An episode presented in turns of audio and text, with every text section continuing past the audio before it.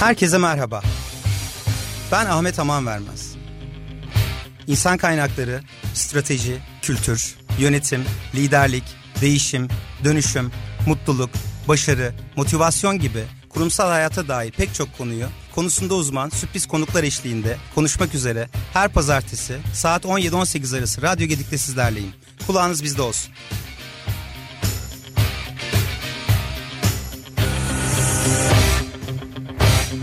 Kurumsal yönetim başlıyor.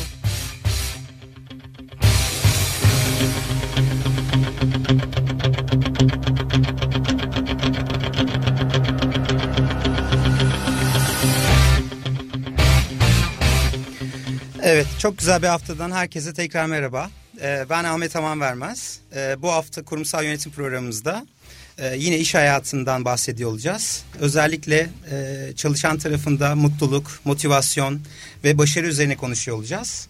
Bugün çok değerli iki konuğum var. E, Defakto Akademi ve Mutluluk Direktörü e, Yeşim Çokeker ve yine Defakto'dan İK İş Ortağı Müdürü e, sevgili Yelda Öztop. Hoş geldiniz öncelikle. Merhaba, hoş bulduk. Hoş bulduk Ahmet. Çok teşekkürler bugün konuğum olduğunuz için. Ee, öncelikle sizi tanıyarak ve şirketiniz hakkında kısaca bilgi alarak e, başlayalım istiyorum bugünkü programımıza. Yeşim öncelikle senden başlayabiliriz. Tabii ki. Ee, Yeşim Çokeker tanıttın zaten. İstanbul Üniversitesi Astronomi Uzay Bilimleri bölümü mezunuyum. Evet. Çarpıcı. Biz de e, harika hayallerle girdik. Çok güzel. Ee, devamında da yine İstanbul Üniversitesi'nde yönetici MBA yaptım. Executive MBA. Ee, koçluk eğitimini biliyorsun her İK profesyoneli gibi tamamladı. Ee, şu anda da yaklaşık 5 senedir Defakto'da e, Defakto Akademi Mutluluk Direktörü olarak görev yapıyorum. Harika. Devam ediyor olacağız. Evet. Ee, çok merak ediyorum özellikle uzmanlık alanlarınızla ilgili. Evet Yelda e, biraz seni tanıyalım. Evet merhaba. Ee, ben de Mar Marmara İktisat, Marmara Üniversitesi İktisat Bölümü mezunuyum. Sonrasında Bilgi Üniversitesi'nde e, işletme yüksek lisansı yaptım. So, e, kariyerime satışla başladım aslında. Sonrasında çeşitli e, farklı sektörlerden, farklı firmalarda insan kaynakları departmanında e, çalışma fırsatları buldum. E, 2016 e, Ağustos'tan e, itibaren de defakto bünyesinde insan kaynaklarında çalışıyorum. İnsan kaynakları strateji İK iş ortağı olarak e, hale halen e, devam ediyorum. Çok güzel. Ee, zaten her uzmanlık alanlarınızla ilgili biraz daha detayına giriyor olacağız. Hı hı. Bugün konularımız çok e, derinlemesine. E, çok keyifli bir sohbet olacak. E, biraz da şirketinizden e, bahsetmenizi istiyorum. Neler yapar de facto? Belki hani Yeşim devam edebilir. Tabii ki. E, Defakto aslında 2003 yılında kurulan çok genç dinamik bir şirket. E, 2003 yılında kurulmuş ve bugüne geldiğimizde şu anda 30 ülkede 500'ün üzerinde mağazasıyla 13.500 çalışanıyla faaliyet gösteriyor. Hızlı özellikle perakendede, hazır giyimde sektörün ikincisiyiz. Süper.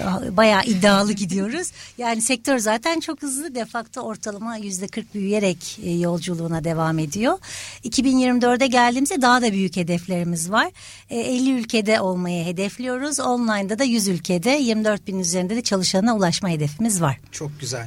Nasıl geçti? Geçtiğimiz yıl bayağı bir çalkantılı bir e, yıl geride bıraktık. 2008 tabii e, 2018. 2018 zorlu bir seneydi yani bildiğiniz gibi. Özellikle işte e, Ağustos ayındaki o e, do- dolardaki dalgalanmalar, döviz kurlarındaki, ekonomideki dalgalanma aslına bakarsan perspektif olarak bizi de zorladı ama bizim en büyük avantajımız de facto olarak yurt dışındaki faaliyetlerimiz oldu.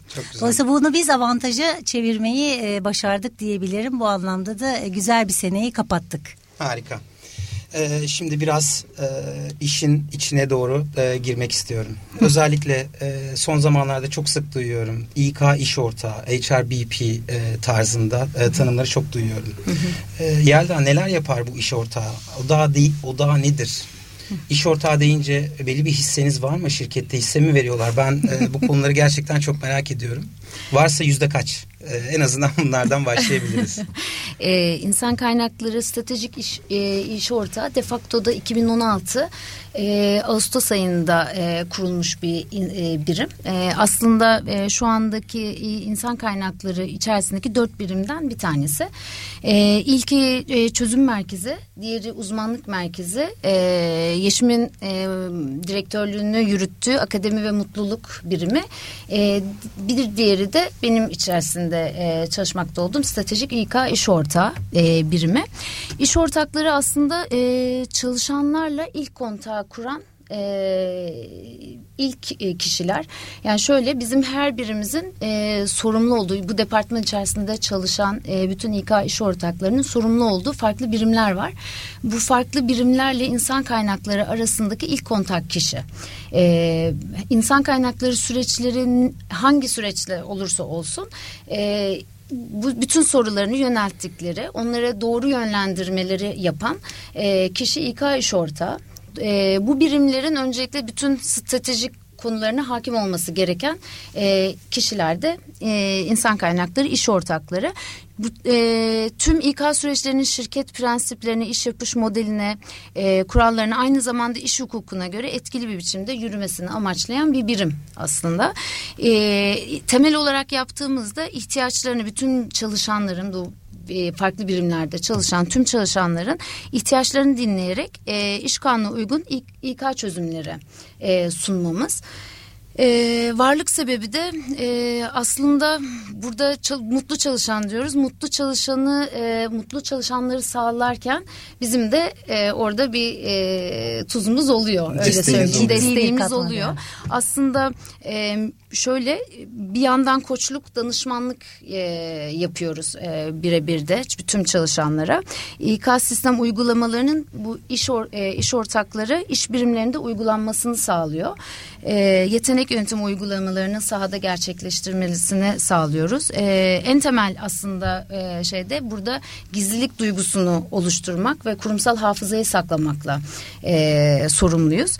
İç müşterilerin e, bir, sorumlu olduğumuz birimlerin aslında süreçlerini iyi biliyor olmamız önemli. Bu süreçleri takip ediyor olmamız, e, onların ihtiyaçlarını iyi dinleyerek aslında gerçekten ihtiyacın ne olduğunu iyi anlamamız önemli. Dolayısıyla da e, doğru desteği kendilerine verebiliyor oluyoruz bu süreçte. Çok güzel. Aslında Hı-hı. bu yüzden belki iş ortağı e, adında bu birim İş, oluşturulmuş. Aynen. E, işlerinin bir ortağıyız kesinlikle. Koç gibi İK'cılar diyebiliriz evet, aslında. Koç gibi Hem koçluk yapan. e, evet. Bir yandan dışarıdan da e, koçluk e, eğitimi de aldım. Onu da e, iş yerinde bu e, bölümde aslında kullanma fırsatım da oluyor. Çok fazla. E, çok fazla evet. Benim gibi de birçok arkadaş var e, de facto da iç koç olarak da çalışan. Harika. Aslında hep e, çok şanslı e, kariyerinde çok şanslı bir departman olarak görüyorum özellikle insan kaynaklarını. Çünkü hı hı. departman olarak e, adı insanla başlayan evet, çok değerli kesinlikle, bir departman. Kesinlikle. İşin e, ortağı olmak ayrı bir e, avantaj sağlıyor. Dolayısıyla hı hı. bir HRBP dediğimiz bu yeni oluşum e, İK'yı biraz daha işe yaklaştırıyor. Hı-hı. Çalışanı da biraz İK'ya yaklaştırıyor diyebiliriz. Tam olarak öyle aslında. Tam, Tam köprü görevi görüyor. Evet, çok güzel. E, bu konuda biraz daha tabii e, İK konularını derinlemesine giriyor olacağız ama Hı-hı. ben heyecanla e, işimi bekliyorum. Özellikle mutluluk deyince e, bu konuda e, mutluluk işlerine dokunmak istiyorum biraz da. E, biraz anlatır mısın Yeşim? E, hangi ihtiyaçlardan doğdu? Bu mutluluk direktörü çok iddialı aslında. Çok, çok böyle sorumluluğu da çok fazla olan e, ve çok önemli e, olan bir departman, belki bir birim, belki bir e, oluşum diyebiliriz. Biraz bahseder misin? E, mutluluk direktörü neden oluştu, ne zamandır var? Tabii ki. E, şimdi aslında şöyle söyleyeyim. E, benim genelde ilk tanıştığım zamanlarda kart vizitimi gören kişilerde müthiş bir gülümseme oluşuyor. Sen ünvanı gördüklerinde daha başlarken ben zaten mutlu ederek başlıyorum. Yani herkesi bir gülümsetme e, şansına sahip oluyorum. Hakikaten dediği gibi büyük bir sorumluluğu var. Çünkü 13.500 çalışan aileler, iş ortaklarımız, tedarikçilerimiz gittiğinde aslında müthiş bir ekosisteme temas ediyoruz ve herkesin bir şekilde bu ekosistemde sağlıklı ve mutlu bireyler olması olmasına odaklanıyoruz. E, sen de hem kurumsaldan geçen bir kişi olarak hem de şu anda danışmanlık yapan bir kişi olarak çok iyi biliyorsun ki aslında kurumun kültürünü, bugününü, yarını tamamıyla üst yönetimin vizyonu belirliyor. Bu anlamda biz de facto da çok şanslıyız. Çünkü inanılmaz vizyoner bir üst yönetimimiz var ve bu birim 2011 yılında kuruluyor. Yani 2011 yılında kurulup 2019'a kadar bir birim olarak yani sadece çalışanın e, daha mutlu olmasına odaklanan bir birim olarak faaliyet gösteriyor. Ve e, önemli bir söylemi var aslında üst yönetimin. Bence bu çok e, kıymetli. E, bilirsin ki derler ya e, işte müşteri kraldır. Bu bizim evet. eğitimlerimizde, kitaplarda çok yer alan bir konudur. E, bizim üst yönetimimiz, CEO'muz e, İhsan Ateş e, bir toplantıda çok güzel bir açıklama yaptı. Dedi ki ben dedi tacı müşterinin başından alıyorum. Şu anda artık bu tacı çalışanımızın başına koyuyorum. Şahane. Çünkü biz biliyoruz ki dedi eğer çalışanım benim mutluysa zaten müşterim mutlu olur. Zaten e, tedarikçi mutlu olur. Zaten hissedarım mutlu olur. Yeter ki benim çalışanım mutlu olsun dedi. Dolayısıyla bu vizyon olduktan sonra bunun arkasını ve içini doldurmak hakikaten bizim için çok daha kolay oldu diyebilirim. Bu anlamda bunun bir kültür olduğunu söylemek daha doğru olur. Şahane. Ee, az önce de söylediğin gibi şirketlerin e, vizyoner olması son derece önemli. E, şirketin hedef ve öncelikli o şirketin kültürünü oluşturuyor Tam aslında. Olarak. Kültür de e, yapılan geçmişteki işlerle alakalı, strateji de gelecekle alakalı. Aslında az önce Yelda'dan bahsettiğimiz HR BP departmanı tam bir köprü rolü. Tamam.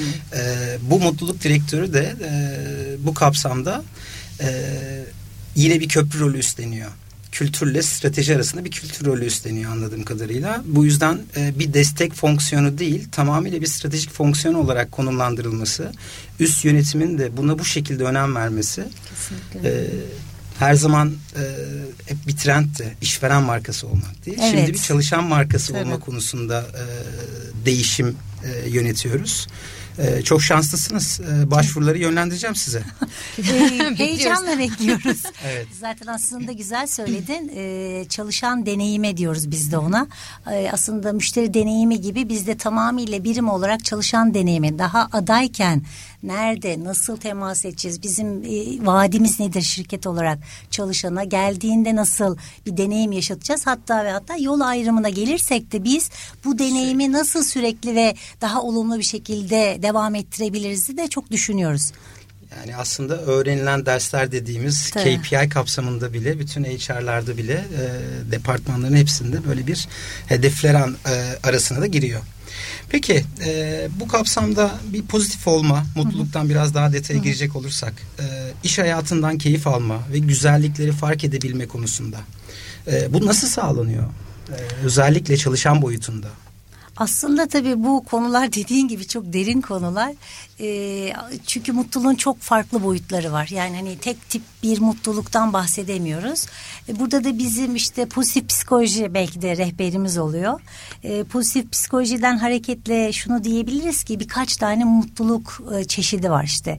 Bir e, anında haz odaklı dediğimiz, keyif odaklı dediğimiz mutluluk o, o anda yaşanana odaklanıyor kişi. Bu işte bir gezmek olabilir. Arkadaşınla şu anda yaptığımız gibi keyifli bir sohbet evet. olabilir. Ben şu anda çok mutluyum mesela ona. E, teşekkür ediyorum tekrardan bizi ben konuk olarak ederim. ağırladığın için. E, bu tabii ki bizim en çok konuşulan ve ses getirilen kısmı. Genelde mutlulukta ne yapıyorsunuz dediğinizde işte çiçekler veriyorsunuz, balonlar dağıtıyorsunuz, çikolata veriyorsunuz dediğiniz aslında bizim anlık mutluluk dediğimiz tarafa e, odaklıyor. Diğer tarafta ise tabii ki e, anlam odaklı. Birazcık daha kişinin yaptığı işi severek yapması ve yaptığı işe anlam bulması önemli hale geliyor. İşte orada da biz yine iş odaklı mutluluk dediğimiz kavrama taşıyoruz bu yaklaşımı. Orada o zaman çalışanın hijyen faktörlerinden yani ücretinden, servisinden, yemeğinden işte esnek çalışma saatlerine kadar ya da e, mola alanlarına kadar bir sürü alanın aslında o kişi yani çalışanlarımızın e, daha konforlu ve o işi yaparken daha anlamlı ve mutlu olabileceği bir boyuta taşımaya çalışıyoruz. Üçüncüsü ise daha büyük bir amaca hizmet eden. Onun için de bu sene e, yatırım yapacağız. Aslında mutluluk öğrenilir mi? Evet. Onu da istersen biraz sonra Harika. konuşalım az sonra. Harika.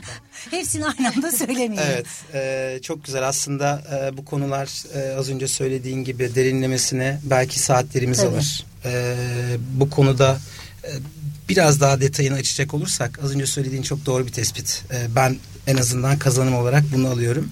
Sadece e, kişiye bağlı değil, e, çevreye de bağlı aslında mutluluk. Tabii ki. Hani havai, havai fişek gibi bir anda parlayıp sonrasında etkisini yavaş yavaş gittiği değil. E, sizde de her alanda olduğu gibi sürdürülebilir bir mutluluk Tam üzerine e, bir strateji geliştirmeye çalışıyorsunuz. Peki e, bu değişkenler ne çevre faktöründe? Yani bu e, kişiden de gelmesi gerekiyor mu? Bu gen faktörü ya da eğitim, içinde bulunan ekonomi ne gibi değişkenleri var bu mutluluğun? Aslında şöyle yani mutluluğa yine baktığımızda tabii hani konu uzmanı psikologlar gelip eminim bu konuyu çok daha literatür dilinde anlatırlar ama bizim tarafta biz uygulayıcı olarak daha çok araştırmalarımızı uygulamaya dayandırıyoruz.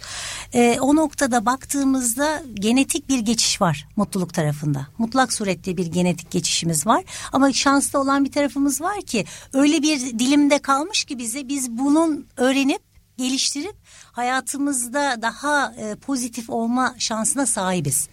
E, bunun için tabii ki birçok çevresel faktörler olabilir ama neyi nasıl ele aldığınız e, o karamsarlıktan iyimserliğe geçiş yine Martin e, Seligman'ın söylediği gibi aslında öğrenilmiş çaresizlik yerine öğrenilmiş iyimserlik var. Evet. Bunu nasıl yapabiliriz? E, buraya kafayı yormak gerekiyor. Bunun için eğitimde biliriz ki bir kere kişinin öğrenme merakına ihtiyaç var yüksek bir farkındalığa ihtiyaç var ve her şeyden önemlisi kişinin istemesine ihtiyaç var. Yani değişimi istemesi gerekiyor. Çevresel faktörler kuşkusuz ki var. Ama kişi o öğrenilmiş çaresizlikte bu çevresel faktörleri de biliyorsun ki değiştiremeyeceğine inanıyor. Oysa ki pozitif psikolojinin klasik psikolojiden farkı diyor ki sen belli yöntemleri kullanarak bunun üzerinde çalışarak bilinçli bir şekilde bunu aslında algını, buradaki düşünceni değiştirebilirsin. Düşüncen değişirse duygun değişir. Duygun değişirse davranışın değişir. Harika. Ee, buna ben ekstradan çok güzel bir tanım oldu. Bir katkı e, vermek istiyorum. Çok Benim deneyimlerimden itibaren hem masanın öbür tarafında, müşteri boyutunda hem şu an danışman boyutunda. Ee, burada aslında bir sahada olmaktan bahsediyoruz. Tabii. Bir mutlu olmak için bir şeyler yapıyor olmamız gerekiyor. O yüzden e, yapmış olduğumuz işe bir anlam katabiliyorsak aslında mutluluğun formülü diyebiliriz. Belki bir tabii. girizgahta yapmış tabii, olabiliriz. Tabii. E, fakat burada da e, bazı alanlar var tabii ki dikkat etmemiz gereken. Mutluluğun çeşitleri gibi, e, sınıfları gibi. E, aynı zamanda e, sahip olduklarımızla birlikte deneyimlerimiz de mutluluğu direkt etkileyen faktörler arasında. E, bunu nasıl sağlıyorsunuz? Ya da bunun bir e, ölçümü var mı? Kaç tip mutluluk var? E, ne kadarı sürdürülebilir oluyor? Ne kadarı anlık olabiliyor? Bunlarla ilgili biraz e, konuşabiliriz isterseniz. Bunu aslında şöyle özetleyebiliriz. Yani üçe ayırıyor e, bize bunu Martin e, Profesör Martin Seligman diyor ki yani zevk odaklı mutluluk vardır. O yüzden anlıktır. İyi yaşam odaklı mutluluktur. Özellikle işinde anlam bulursan daha kalıcıdır. Ama üçüncüsü anlam odaklı mutluluk aslında kişinin kendisinden çok daha büyük bir amaca hizmet etmesinden evet. bahseder. Orada artık yani e, sosyal sorumluluklar e, ya da aldığı bir takım e, etki alanında çevreye odaklanma olabilir. Belki işte sokak hayvanları olabilir ama artık kendisinin ötesinde fayda sağlayacağı alanlar yaratmaya gayret eder. İşte bunu yaptığında e, daha uzun soluklu bir mutluluktan bahsediyor. Sonra tabii bunu birazcık daha ilerleyen yıllarda çerçevesini birazcık daha değiştiriyor işin ve diyor ki gerçek mutluluğun sırlarına başarı ve ilişkileri de ekleyerek iyi bir hayat için keyifle sevdiğin işlerle meşgul olduğun, anlamlı, başarılı ve sağlıklı ilişkilerin olduğu bir hayat olarak tanımlıyor. Aslında ilişkiler olmadan sağlıklı ilişkiler olmadan mutlu ve başarılı bir hayatı tanımlamak tek başına mümkün değil. Şahane. Aslında e, burada bir mutlulukla ilgili de bir hedefi olmalı. E, bir çalışanın ya da e, bir bireyin böyle özetleyebiliriz. Hem e, önünde bir e, hayatın tadını çıkarmak istemesi gerekiyor. E, bununla birlikte topluma yararlı işler yapabiliyor olması gerekiyor. E, hem de hayatın e, en büyük hayalini e, gerçekleştiren e, Maslow ihtiyaçları evet, kendini gerçekleştirme gibi e, bu alanlara odaklanırsa da maksimum mutluluk noktasına ulaşıyor diyebiliriz.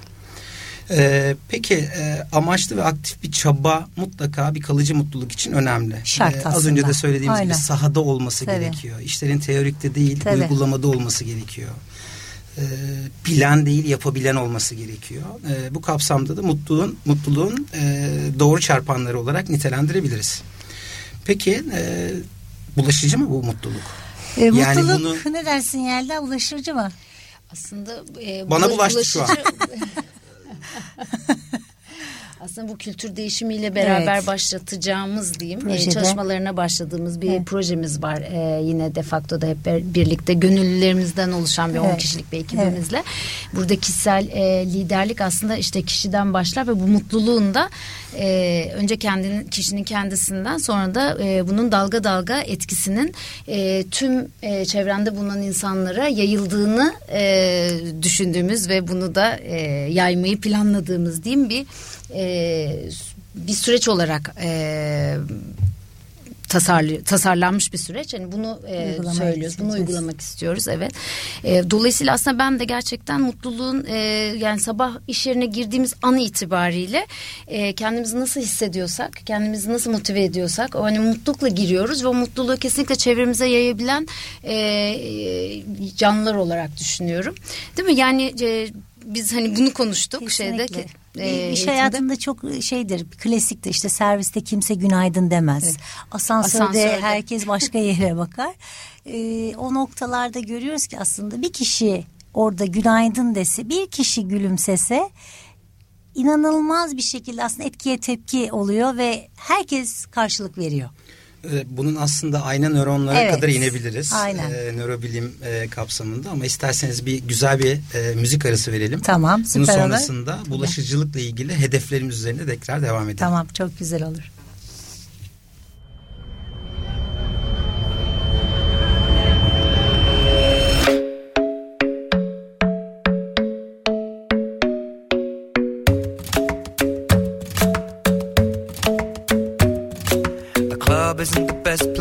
Find a lover, so the bar is where I go. Me and my friends at the table doing shots, tripping fast, and then we talk slow.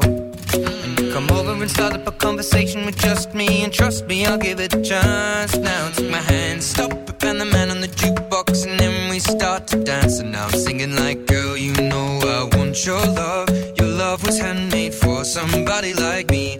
Come on now, follow my lead. I may be crazy, don't mind me. Say,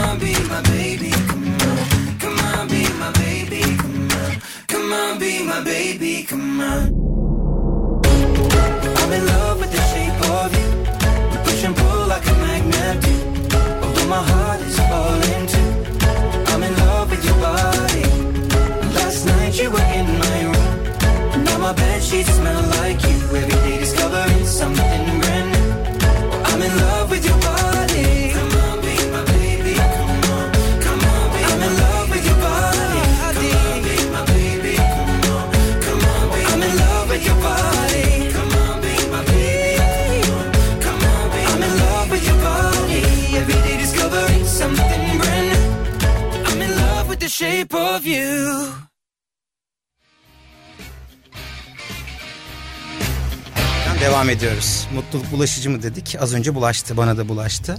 Ee, şimdi e, özellikle bu e, konulara devam etmek için biraz da tabii ki bu kuşaklarımız dediğimiz yeni nesil e, çalışan boyutunda e, neler bekliyor? Mutluluğa nasıl bakıyorlar? Ya da iş hayatına nasıl bakıyorlar? Yaklaşım farklılıkları nasıl? E, bu konular hakkında da biraz konuşmak istiyorum sizinle. Tabii ki. Ee, aslında şöyle e, hakikaten İK'nın zaten e, geçmişten bugüne müthiş bir değişimi var. Ama şu anda geldiğimiz noktada jenerasyon farklılıkları çok çarpıcı bir boyutta. Defakto olarak Y jenerasyonuna başka kurumlar Y jenerasyonu ile X jenerasyonu nasıl uyumunu sağlarız derken şu anda defaktoda yüzde 54 Z jenerasyonu var. Yani bizde Y jenerasyonu zaten yönetiyor şirketi. 29.9 bizim yaş ortalamamız. Ee, o o yüzden Bayağı fiyat etiketi gibi. Aynen 29.90. Zaten biz 9.90'a tişört, 19.90'a pantolon satıyoruz. İndirimli günler başladı bekliyoruz. Çok güzel, çok güzel. De arada reklam koymuş olalım. Ee, hakikaten e, bizim şu anda yani sektör zaten çok dinamik bir sektör ama bu jenerasyon farkını içeriye aldığınız an itibariyle proaktif olup önden koşmanız gerekiyor. Şimdi artık bizim için işte böyle üç günlük beş günlük eğitimler yok. Mikro öğrenme var. Çünkü teknolojiyle doğdu bu e, Z jenerasyonu. İki dakikada hap bilgi istiyor. Hemen almak istiyor. Ya da e, şuna bakıyor sosyal sorumluluk ne var diyor. Ne yapabilirim diyor. Nerede gönüllü olabilirim diyor. Burada bana alan açacak mısınız diyor. Yani biz artık böyle eski söylemleri çoktan bırakmış olmanız bir de buna hani platformları hazırlamış olmanız gerekiyor. Bu anlamda o yüzden bizim defakto akademiyi e, hayata geçirdik 2016 yılında. E, müthiş bir katma değer yarattığını düşünüyorum. Y jenerasyonun özellikle değişen bu e, beklentisinde. Çünkü eskiden biliyorsun sen de ücret birinci sırada yer alıyordu. İşte yanaklar vesaire. Şu anda baktığında işte Deloitte'un İK trendlerine baktığımızda hala son 3-4 senedir çok güçlü bir şekilde çalışan eğitim gelişim fırsatlarını soruyor. Kariyer yolculuğunu bunları ilk üçe koyuyor ve iş yaşam dengesini soruyor. Bu anlamda biz tabii e, hem mutluluk yönetimiyle hem de akademi tarafındaki gelişim fırsatlarıyla bu anlamdaki bu beklentiyi karşılamak için iyi bir efor sergilediğimizi düşünüyorum. Neler yapıyoruz? Belki biraz onlardan bahsedebiliriz. vardı aslında. Evet. Peki bunun kadın erkek dağılımı nasıl? Ee, yeni kuşaklarda özellikle yaş ortalamasının 29.90 olduğundan bahsediyorsunuz. Ee, bunun e, kadın erkek dağılımı nasıl? Ee, aslında güzel bir soru. Çok da hoşuma giden bir soru. Yüzde 51 e, kadın, yüzde 49 e, erkek çalışanımız var. Biz Global Compact'ı 2015 yılında imzaladık. Birleşmiş Milletler'in anlaşmasında. Ve onun da WEBS imzacısıyız. Yani kadını güçlendirme platformuna imza attık. Aslında şirkette... E, birazcık pozitif ayrımcılık yaptığımızı dile getiriyoruz. Şahane. Evet e, bu noktada yüzde 51'e gelmiş olması bu anlamda çok bilinçli bir çalışmalar sonucunda elde ettiğimiz bir skor. Her e, sene biz e, kadın erkek e, dağılımını takip ediyoruz ve bunun içinde mutluluk yönetiminde de çok güzel e, uygulamalar geliştirdik. Mutlu kadın hareketi dedik ve kadınların iş hayatında e, daha çok yer edinebilmesi için onlara şirket içinde de farklı ayrıcalıklar tanımladık. Mesela bunu bu paketin olmasını aslında şunu gördük ki biz erkek çalışanlarımız daha çok destekledi. Yani erkek erkeklerin desteklemediği bir dünyada kadınla ilgili bir e, varlık gösterebilmeniz, ona alan açabilmeniz çok mümkün değil.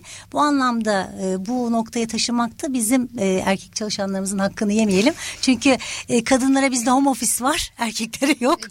Ama bunu hiçbir zaman sorun etmedi e, erkek çalışanlarımız. E, işte annelere özellikle karne gününde izinlerimiz, e, istediğinde iş uygunluğuna göre part time çalışma imkanlarımız, e, doğumdan sonra e, yine süreyi ekstra süreler tanıdığımız e, birçok e, ayrıcalıklı e, şartlar oluşturuyoruz kadın çalışanlarımız için. Harika. Aslında e, bir çalışanın e, canının sıkılmasına izin vermiyorsunuz. Yok çok mümkün değil. O işten de mümkün değil. Uygulamalardan da çok mümkün değil. Ee, çok güzel. Aslında monotonluktan da e, uzaklaştırıyorsunuz çalışanı. Peki bununla ilgili geçmiş dönemle yeni dönem arasında e, bir kıyaslama var mı? Hani bu yaklaşım, bu eğilimler, bu trendler e, özellikle bu hedefler sadece mutluluk adına söylemiyorum. Kuşakların beklentilerini çok iyi analiz edip e, onları geleceğe taşımak. İşte dediğiniz gibi her ikiniz de söylediniz. Asıl e, çalışanlar şu an tek hedefleri para kazanmak değil. Güçlü bir organizasyonda var olmak. E, karar alırken fikirlerini rahatlıkla söyleyebilmeleri, Tabii. ulaşılabilir olması, erişilebilir olması konusunda çok ciddi kafa yoruyorlar. Ve işi e, değiştirme konularında da bu konular karar verici oluyor. Geçtiğimiz hafta da bahsettik yine İK alanlarında, beklentilerinde. işte fitness center'ınız var mı? Var. Şeklinde iş alımı. tabii Biraz tabii. bahsedelim. Ben az çok da duyuyorum. Biraz uygulamalardan da Evet, bahsedebiliriz. Böyle bir Tabii. e, pufidik koltuklarda PlayStation oynamalar. Ee, yani çok gerçekten e, güzel şeyler yapıyoruz. Sadece Özellikle merkezde değil, e, sahada diğer da. bütün hem sahada hem de diğer e, lokasyonlarımızda Çerkezköy depomuzda teknoloji e, defakto teknoloji binamızda e, çeşitli e, uygulamalarımız var bu yönde.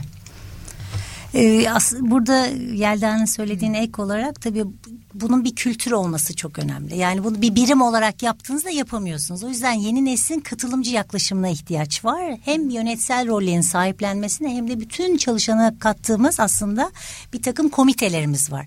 Onlara biz mutluluk elçileri diyoruz. Mutluluk elçileriyle birlikte mutluluğu çoğaltıyoruz ve daha güzel bir e, nasıl söyleyeyim etkileşim yaratıyoruz. E, tabii fitness eğitmenimiz var kadrolu olarak masa masaj salonumuz var masörümüz masözümüz var gün içinde kuaförümüz manikürümüz yani aslında bunları neden yapıyoruz diyebiliriz. Bunları tamamıyla yine yeni neslin bu iş yaşam dengesinden dolayı. Çünkü eğer ki özel hayatındaki bazı ihtiyaçlarını iş hayatındaki ortamda sunduğunuzda ona daha konforlu bir alan açma şansınız oluyor. Bundan dolayı biz içeride çok genç ya bizim gelseniz merkeze üniversite kampüsü gibi. O kadar genç ve dinamik. E, sosyalleşme ihtiyaçları çok fazla ve o sosyalleşmeyi sağlayacağımız birçok e, alan yaratıyoruz. Çok güzel. Ee, bu konuda aslında e, mutluluk, hep mutluluk, mutluluk diyoruz. Bu e, değişim sürecinde olduğu gibi mutluluk e, ajanlarından, mutluluk elçilerinden bahsettiniz. E, bu konuda e, bir değişim ajanları da yönetiliyor genelde değişim süreçlerinde de. O değişimin bir o gücünü temsil eden, onun yayılımını sağlayabilecek. E, bu konu sizin performans yönetiminize nasıl yansıyor? Aslında e, çok güzel bir soru. Biz bunu ölçmeyi çok seviyoruz. Bir de öyle bir şeyimiz var e, yönümüz var. E, her sene çok farklı alanlarda çok farklı anketlerle bazen de e, bağımsız kuruluşlarla yaptığımız işte kültür anketlerimiz var çalışan memnuniyeti anketimiz var. Ve e, içeride yine kendi içimizde yaptığımız işte e, odak grup çalışmaları var. Buralarda belli skorları alıyoruz ve bu skorlarla daha sonra odak gruplarındaki ihtiyaçları örtüştürüp kök neden analiziyle aksiyon planları çıkartıyoruz. En çok önemsediğimiz şey de şeffaf iletişim. Neleri yapıp neler yapamayacağımızı söylüyoruz. Sonra yaptıklarımızı ve yapamadıklarımızı tekrar paylaşıyoruz. Sonra tekrar ölçümlüyoruz. Ee, orada da gurur duyuyoruz aslına bakarsan. Sektörde biz açık ara benchmarkız bu anlamda. Yani ve e, sektör bağımsız baktığımızda dahi şu an itibariyle yeni rakamlar geldi. E, 65 firmanın içerisinde e, ikinci firmayız. Şahane. Evet, evet. Çok güzel. Ya gurur duy- duy- duyabiliriz. Gerçekten bununla gurur duyabiliriz. Sonuçlarında çünkü çalışan takdir ediyor. E, bir Great Place to Work ödülümüzde de yine çalışanımız bize bu şey takdirini iletmiş oldu. Çok güzel. Aslında mutluluğu e, bir şekilde başarıyla bağla e, bağlantı haline getirmişsiniz. Burada La Fontaine çok güzel söylemiş. E, başarı istediğini elde etmek, mutluluk elde ettiğini sevmektir. Ah, çok güzel. E, bu kapsamda baktığımızda e, hep böyle pozitif şeylerden bahsediyoruz. Peki e, özellikle iş hayatında sizin e, üstesinden gelmeye çalıştığınız bu mutluluğun, bu başarının önünde ne gibi engeller var? Bir e, düşmanı var mı mutluluğun?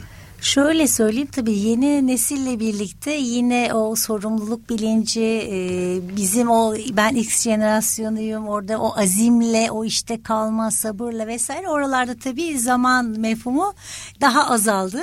E, bunu çalışan bağlılığı ve motivasyonu diyoruz biz. E, oradaki ortalama süreler de azaldı. Yani ortalama iki buçuk üç sene şu anda yeni jenerasyon en iyi ihtimalle bir kurumda kalabilme Evet. süresi. Yani o kadar çok e, emek harcadığımız konunun sonunda yine ortalama iki buçuk üç seneler ki biz bunu şu anda üstündeyiz hali hazırda. Ama e, perakende de tabii e, baktığında mağazalarımızda şu anda öğrenciler çalışıyor büyük oranda. Bazen bir cep telefonu almak için işe giriyor. Bazen bir tatil parası biriktirmek için giriliyor. Bizim ona buradaki kariyer fırsatlarını anlatmamız için gerçekten çok emek harcamamız gerekiyor. E biz de e, sabırla bu emeği harcıyoruz. Aslında bir farkımız da şu. Perakende de özellikle çalışana yatırım yapmayı bu turnover'dan dolayı bazı kurumlar e, çekimser kalabiliyorlar. Ya sonuçta yapacağım ve gidecek. Evet yani biz üç ay çalışacağını bildiğimiz arkadaşımıza da toplumsal fayda diyoruz ve yatırım yapmaktan imtina etmiyoruz. Ne verebilirsek, ne katabilirsek bizim için, Türkiye için bir kazançtır diyoruz. Ve mutlak surette de o yatırımı yapıyoruz. Bravo. Aslında sosyal sorumluluk konusunda da siz e, topluma birey yetiştiriyorsunuz. E, akademi Mutluluğu olarak ulaştırmasını özellikle, bekliyorsunuz. E, başka yerlerde de her ne yapıyorsa e, devam ettiği e, kariyer hayatında da. E, çok güzel bir nokta. Yavaş yavaş biraz mutluluğun motivasyonla e, İlişkisi. ilişkisinden bahsetmek istiyorum.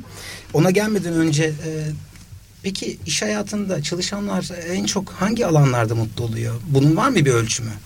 Ben tabii ölçemezseniz falan dediniz. Direkt e, ben e, mühendis olunca ölçemezsin, yönetemezsin, e, Yönetemezsin, gibi bir evet, kavram evet. var.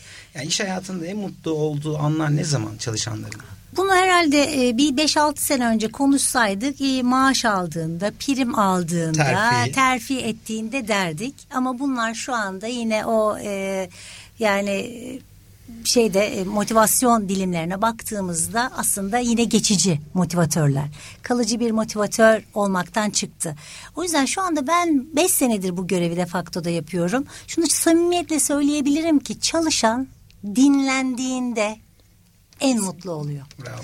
Yani bir problemi varsa, bir sorunu varsa ve siz onu önemsiyorsanız ve onu dinleme gayretiniz var ve bu dinleme gayretinden sonra özellikle business partnerler burada devreye giriyor zaten. Kesinlikle. Ee, çözüm üretemesiniz dahi bazen bu gayretinizi takdir ediyor. Biz o yüzden en çok herhalde dinlemeye zaman ayırıyoruz. Hem business partnerlerle birebir de belki sen birazcık katkı sağlayabilirsin. Yo, yani tam olarak dediğin gibi aslında her türlü e, neyse sorun e, gelebileceği bir kişi var. E, danışabileceği, doğru yönlendirmeyi yapabileceği bir kişi var de facto da her çalışanın. Bence bu yeni neslin gerçekten e, değer görme anlamında iyi hissettir, iyi hissettiren bir birim. Ee, bizim için de e, aslında insana dokunabildiğimiz yer. E, kesinlikle bu işi yapmamın en temel sebebi e, sebeplerinden biri insana dokunabilmek, e, destek olabilmek, işte yardımcı olabilmek. Burada neyse o konu. Gerçekten de bazen e, sadece İK süreçlerinin dışında bile olabiliyor bu.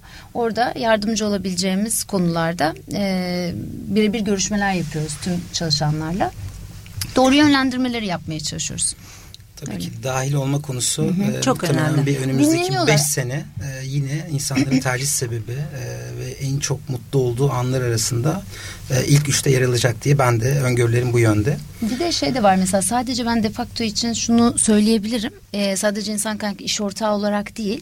Tüm yöneticilerimizin e, önceliklerinden biri bu. Açık kapı e, görüşmeleri oluyor. Yani Çerkezköy depoda da, Teknopark'ta da, diğer bütün hani yön- üst düzey yöneticilerimizde tüm e, e, tüm çalışanları dinleyecekleri gün ve zaman ayırıyorlar. E, ve o zaman da işte neyse e, şeyle söylemek istediklerini dile getirebilecekleri bir alanları oluyor. Öyle bir platform Birebir var. açık iletişim için var. Gruplar için e, kulağım sende dediğimiz yani departman bazlı, grup bazlı da dinleyebildiğimiz. dediğimiz. İşte üç ayda bir şirketin muhabbet dediğimiz aslında ne oluyor şirkette, neler oluyor, ne durumdayız, ne yapıyoruz? Gündemli. Gündemimizde neler var? Karşılıklı gündemi biz belirlemiyoruz bu arada. Tamamıyla onlar belirliyorlar. Ne konuşulmasını onlara soruyoruz. Yani artık şu da bitti. Mesela bir etkinlik yaparken kimi dinlemek istersiniz diye sordum. Onlara soruyoruz. Eskiden biz şu konuşmacıyı getiriyoruz derdik. Tabii gönderilen evet, oluyorlardı. Evet, evet, evet. Şu anda artık her şeyi çalışana soruyoruz. Yani onlarla birlikte e, katılımcı yaklaşımla ilerliyoruz. Aslında bu noktada e, hem dahil edilme diyoruz. O Tabii. çalışanın beklentilerine göre onları iyi dinleyerek, iyi bir analiz ederek beklentilerini sonrasında hipotezdir, antitezdir. Bundan sonrasında herkes çünkü analiz yapıyor. Ama kimse o analizler sonrasında geleceğe hangi anlamda e, başarıda bulunacakları konusunda çok kafa yormuyorlar. Aynen. Bu işte bir odaklanmayla ilgili yakın bir zamanda okuduğum kitapta da var. İşte hokus pokus yok. Tamamen fokus var. Tabii. Ee, aslında burada da e, baktığımızda siz e, çok iyi tamamıyla çalışanın beklentilerini anlamaya yönelik e, bir odağınız var. Dolayısıyla her şey bu odaklanmayla alakalı. Ee, gelelim mi biraz böyle mutluluk, başarı dedik biraz da motivasyondan. Peki ben e, tabii ki her ne kadar da olsa İlker Bey'in yönettiği bir bir birey olarak yine yüzde yetmiş negatif. E, motivasyonu direkt etkileyen üç temel faktör şeklinde hep konuşuyoruz. Eğitimlerde de veriyoruz. E, hala bu kadar açıklığa rağmen, bu kadar yönetimle, hiyerarşinin çok katı olmadığı bir ortamlar yaratılmasına rağmen yine e, işini kaybetme korkuları. E, bununla birlikte iç motivasyon dengesi, e, ve kişisel gelişim imkanları ile ilgili hala bu çok ciddi bir e, motivasyonu e, zedeleyen, motivasyonu olumsuz etkileyen faktörler arasında ilk üçte. E, bu konuda neler yapıyorsunuz şirketiniz olarak ya da sosyal sorumluluk projesinde de birçok e, başka şapkalarınız da var. Asıl işin dışında. Aslında iş ve sosyal hayat dengesini çok iyi e, kurmuş. E, Bununla birlikte sosyal hayat tarafında da e, mutlu bireyler yetiştirme konusunda bir vizyonunuz da var e, insan kaynakları profesyonelleri olarak. Ne diyorsunuz bu konuda nasıl e, bir e, önünüzde bir plan var, stratejiniz var? Aslında tabii mesela e, bu dedik ya eğitim gelişim öne çıktı. E, 5'e 6'ya indi ücretler vesaire iş kaygısı bizim en azından kendi şirketimizde ama bu sene yine farklı bir sene. Yani bu sene seneye acaba nasıl çıkacak diye ben de kendi içimde düşünüyorum. Çünkü dinamikler değişti yine değişti. Ee, ekonomik göstergeler e, içinde bulunduğumuz e, durum kişilerde ister istemez biraz kaygı düzeyini arttırdı. Şirketimizde o yüzden biz mesela şimdi önümüzde 3 ayda bir yaptığımız toplantılarımız, iletişim toplantılarımızı bu anlamda çok değerli buluyoruz. Sebebi de çalışana bizim ekonomik göstergelerimizi anlatma fırsatımız var. Yani biz şu anda neyi hedeflemiştik, neredeyiz, finansal olarak nasıl bir güce sahibiz, bizim önümüzdeki projeksiyon nedir, nasıl bir vizyonla, nasıl bir hedefe koşuyoruz ve bunu yaparken e, ki işte o e, heyecanımızla birlikte defakto da en çok duyacağınız söylem biz bir aileyizdir. Biz bu duygu bütünlüğünü bu kadar büyümeye rağmen çok korumuş, DNA'sında yaşatan bir kurumuz. Bu anlamda bunu anlatmanız gerekiyor. E, çünkü eğer bu açık iletişimi yapmazsanız dışarıdaki o tablo bazen karamsar diyebileceğimiz tablolar çok hızlı acabalara ya da birisinin söylediği bir söylemle bir anda bir e, gerçeklik bulacak alan arayabiliyor. Bundan dolayı hem dinleme kadar şeffaf bir şekilde iletişimi yapmayı da çok önemsiyoruz.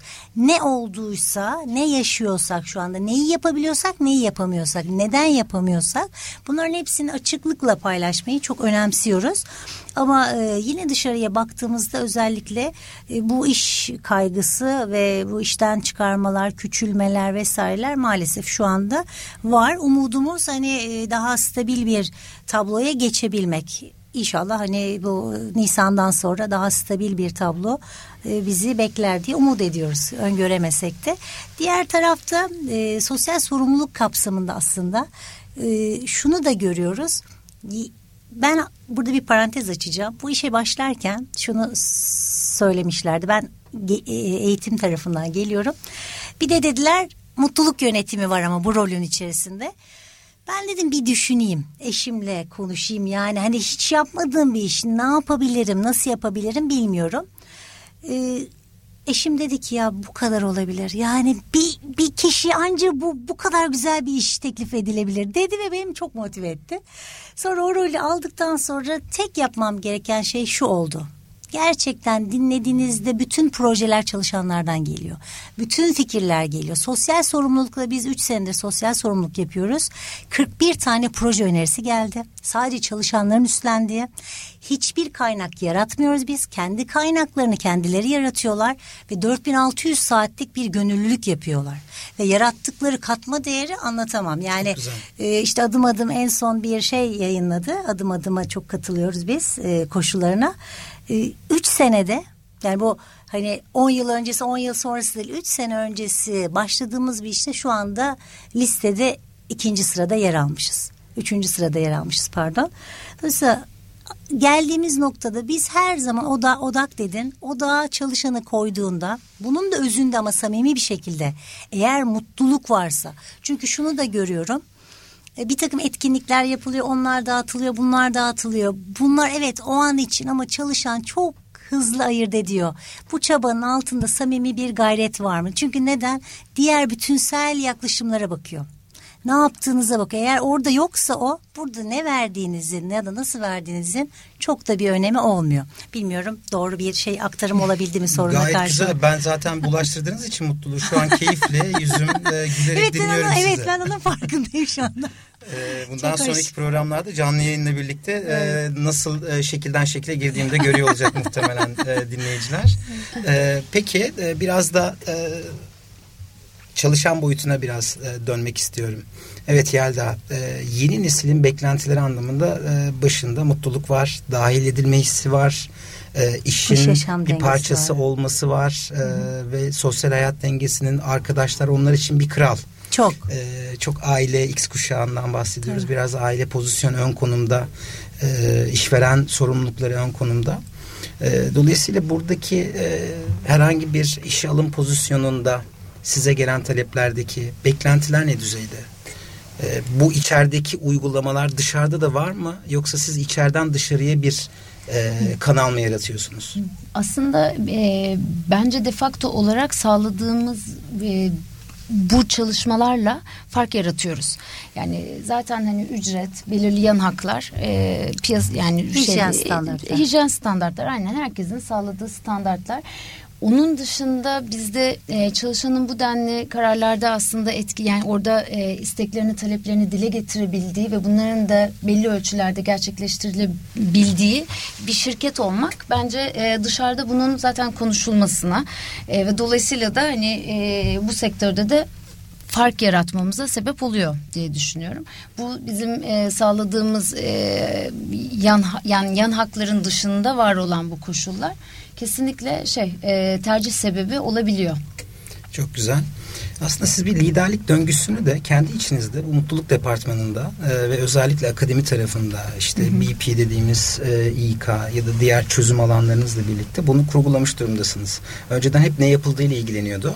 Şimdi insanlar nasıl, Nasıl? yapıldığına Hı hı, odaklanıyor. tabii. Ve bununla birlikte ben bunu neden yapıyorum şeklinde o karar alırken bunu neden yaptığını önce bir anlamak istiyor e, işi yapmadan önce, işi uygulamaya başlamadan önce bu e, döngüyü de e, güzel kurguladığınızı düşünüyorum. Ama az önce Yeşim'in de bahsettiği gibi bunu sosyal sorumluluk kapsamında sadece kendi çalışanınıza değil dışarıda bir kariyer değişimi e, hedefinde olan e, çalışanlara da ya da bir bireylere de e, bunun aktarımı konusunda da muhtemelen e, defakto olarak siz birçok projelerde yapıyorsunuz Evet. üniversiteler olsun, Tabii. e, Aslında, sosyal ya da tabii. e, STK'larla birlikte.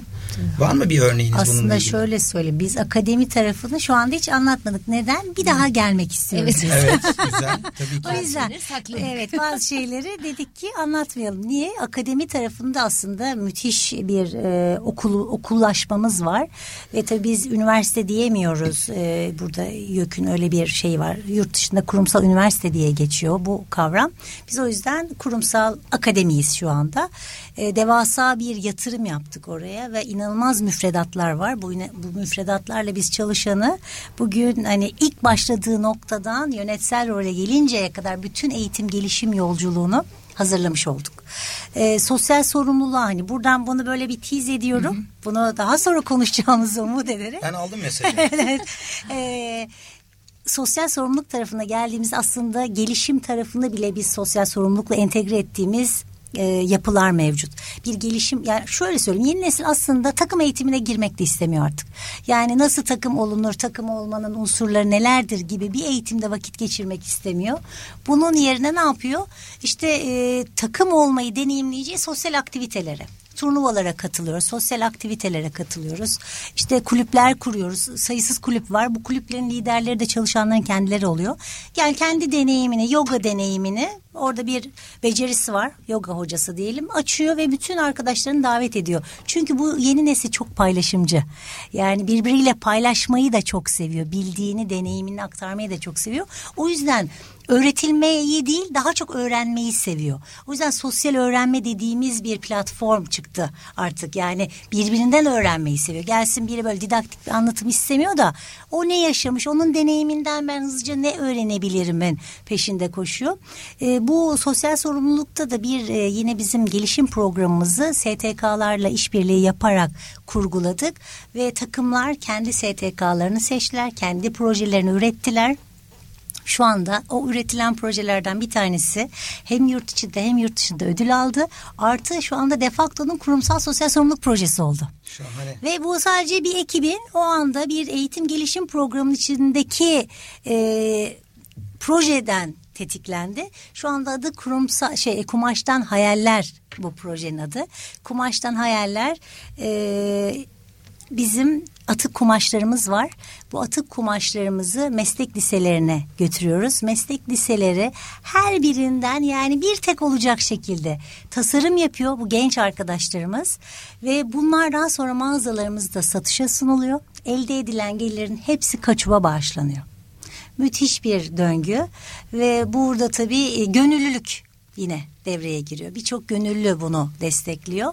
Tabii proje liderlerimiz de var. Onlar da e, isimlerini almadan geçmeyelim. Geçmeyelim. Böyle olabiliyor mu hani selamlar, sevgiler falan der gibi. ben şu an gördüğünüz gibi e, tamamıyla e, sizin e, yönlendirmelerinizle hareket ediyoruz. O yüzden istediğinizi söyleyebilirsiniz. İstediğiniz buradan selam söylemek evet. istediğiniz birileri varsa memnuniyetle. İstediler aslında. Ekip arkadaşlarım dedi ki lütfen bize selam.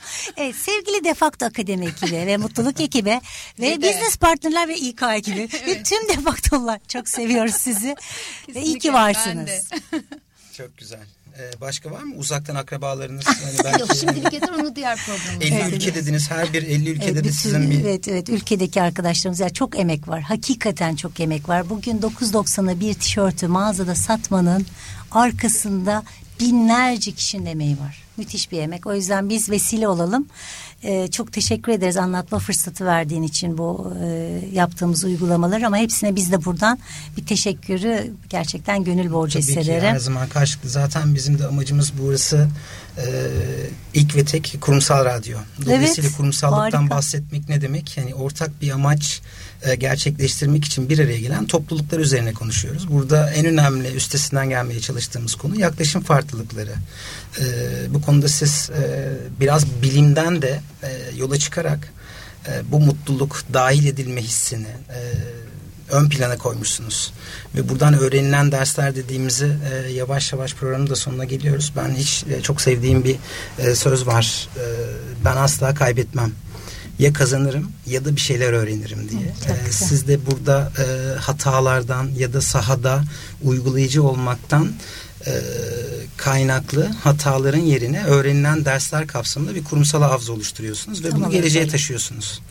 Ee, insan kaynaklarının en önemli üç e, KPI var diye e, ben hep meslektaşlarıma söylüyorum özellikle. E, bir kere potansiyeli e, içeriye dahil etmek ve bu potansiyeli kendi dinamiklerine göre e, yetiştirmek, geliştirmek ve bunu elde tutmak. Her ne kadar olumsuz bir tablo olsa da iki buçuk üç yıl e, evet. kıdem ortalaması olsa da e, bunun da uzun vadede e, şirketler çalışanlarını e, karar verirken dahil ettiği sürece bu sürenin de uzayacağı e, konusunda çok e, öngörülerim var. E, bu amaçta e, marifet iltifata tabidir derler. E, dolayısıyla ben e, iltifat etmeden e, programı kapatmak istemiyorum. E, hakikaten emeğinize, yüreğinize, bu e, çabanıza e, gönülden e, sağlıklar diliyorum. Ha, Ve çok bunun e, uzun vadede özellikle STK gibi e, diğer ya da sosyal sorumluluk alanlarında da e, bunun artarak devam etmesini, topluma e, şahane bireyler yetiştirmeniz konusunda da e, en içten e, dileklerimi sunmak istiyorum. Çok e, resmi oldu ama çok teşekkür ederiz. Çok mutlu olduk. çok keyifli bir sohbetti. Her Bizim ikinize de hani çok teşekkür ederim. Ee, çok kıymetli e, bilgi transferleri yaptık. En azından farkındalık anlamında da çok güzel bir nokta e, da bulunduğumuzu düşünüyorum. E, güzel bir müzikle kapatalım. Haftaya tekrar birlikte olacağız. Söylediğiniz gibi bunun programın devamı konusunda da e, iletişimde olacağız. olacağız. Evet, evet. Ön söz aldık kabul ediyoruz. E, iletişimde de olacağız. Çok teşekkür teşekkürler ederiz. Ahmet. Görüşmek üzere.